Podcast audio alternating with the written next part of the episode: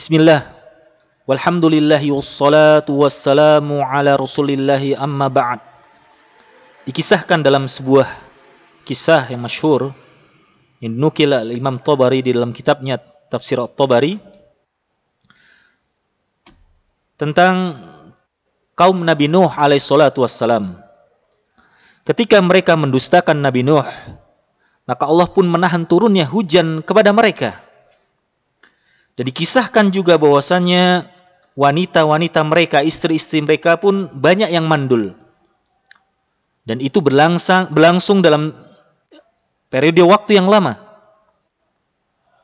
Tidak hanya itu, pertanian dan ladang-ladang pun gagal panen. Maka mereka pun mengeluh kepada Nabi Nuh alaihissalatu wassalam Lalu berkatalah Nabi Nuh kepada kaumnya yang Allah abadikan di dalam firman-Nya surat Nuh ayat ke-10 dan 12. Faqultu astaghfiru rabbakum innahu kana ghaffara. Maka aku berkata, Nabi Nuh berkata kepada kaumnya, istaghfiru rabbakum. Mintalah ampunan kepada Rabb kalian. Sesungguhnya Allah Maha mengampuni. Yursilis sama alaikum midrara. Maka dengan begitu dengan kalian meminta ampunan kepada Allah, maka Allah akan mengirimkan kepada kalian langit-langit yang mengandung hujan, yang menurunkan hujan yang lebat. Wa yumdidkum bi amwali wa. Dan Allah akan menambahkan bagi kalian harta kalian, anak keturunan bagi kalian. Wa wa anhara.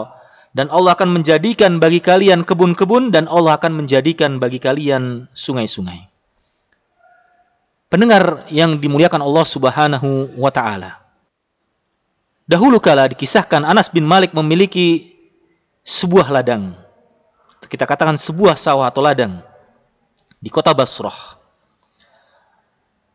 Pada waktu itu ladangnya Anas bin Malik ditimpa kekeringan sehingga gagal panen. Maka beliau pun bersegera untuk mengerjakan solat rokataini wastaghfaro. Beliau mengerjakan solat dua rakaat lalu beliau memperbanyak istighfar. Qalu malak.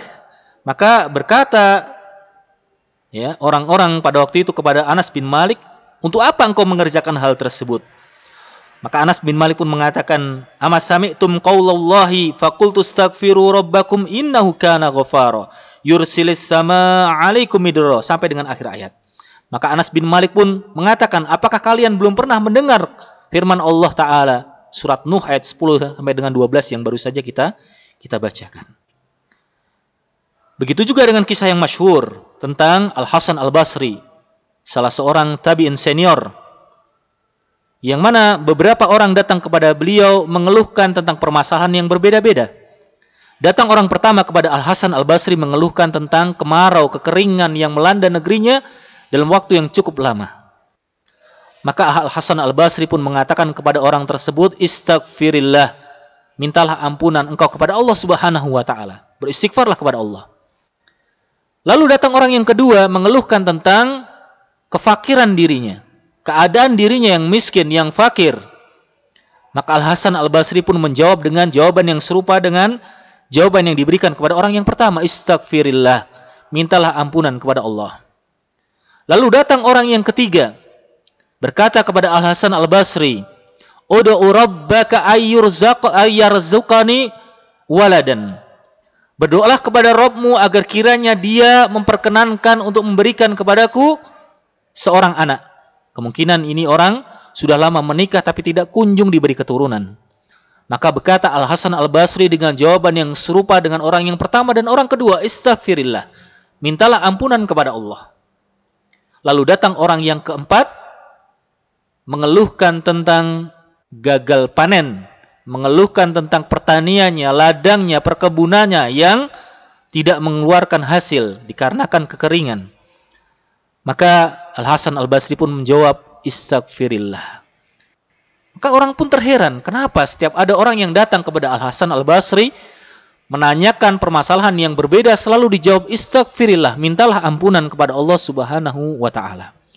Maka Al Hasan Al Basri pun membacakan ayat yang baru saja kita bacakan dalam surat Nuh ayat 10 sampai dengan 12 Faqultu astaghfiru rabbakum innahu kana ghaffara.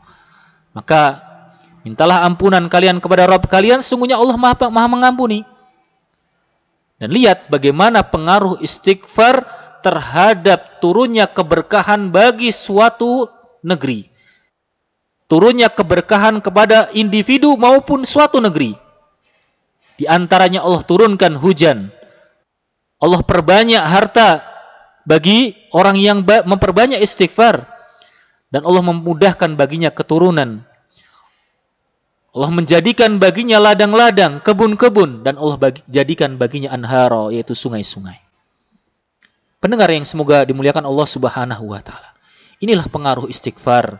Kalimat yang ringan di lisan akan tapi sulit untuk kita resapi di hati kita dan sulit untuk kita istiqomah senantiasa membasahi lisan kita dengan meminta ampunan kepada Allah Subhanahu wa taala. Sebaliknya, orang yang menunda-nunda bertaubat kepada Allah, tidak pernah istighfar, tidak pernah minta ampunan kepada Allah Subhanahu wa taala ketika dia melakukan dosa.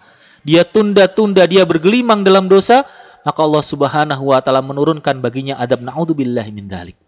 Di dalam surat Al-A'raf ayat 96 Allah katakan walau anna ahlal qura amanu wattaqau fatahna alaihim barakatim minas sama'i wal ard.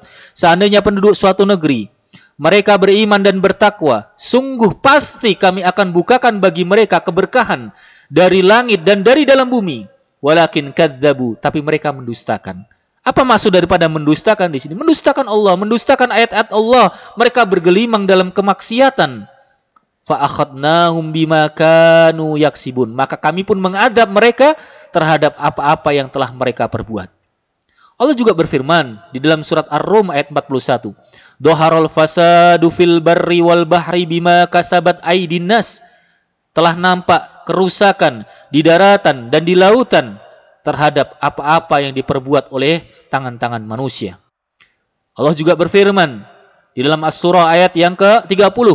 Wa ma asabakum mim musibatin fabima kasabat aidikum. Dan apa-apa yang menimpa kalian dari musibah, dari bencana, dari kerusakan di mana-mana, gempa bumi, banjir, tanah longsor, gunung meletus, semua musibah yang menimpa kalian fabima kasabat aidikum. Dikarenakan tangan-tangan kalian yang berbuat dosa. Oleh maka itu pendengar rahimani wa rahimakumullah. Saya menasihati diri saya pribadi dan kepada antum semua marilah kita senantiasa melazimkan, membiasakan untuk meminta ampunan kepada Allah Subhanahu wa taala, memperbanyak istighfar, memperbanyak taubat kepada Allah Subhanahu wa taala. Semoga Allah Subhanahu wa taala melindungi negeri kita, menjadikan negeri kita ini penuh dengan berkah, negeri yang senantiasa dinaungi oleh Allah Subhanahu wa taala. Wassallallahu ala nabiyina Muhammadin wa ala alihi wasallam.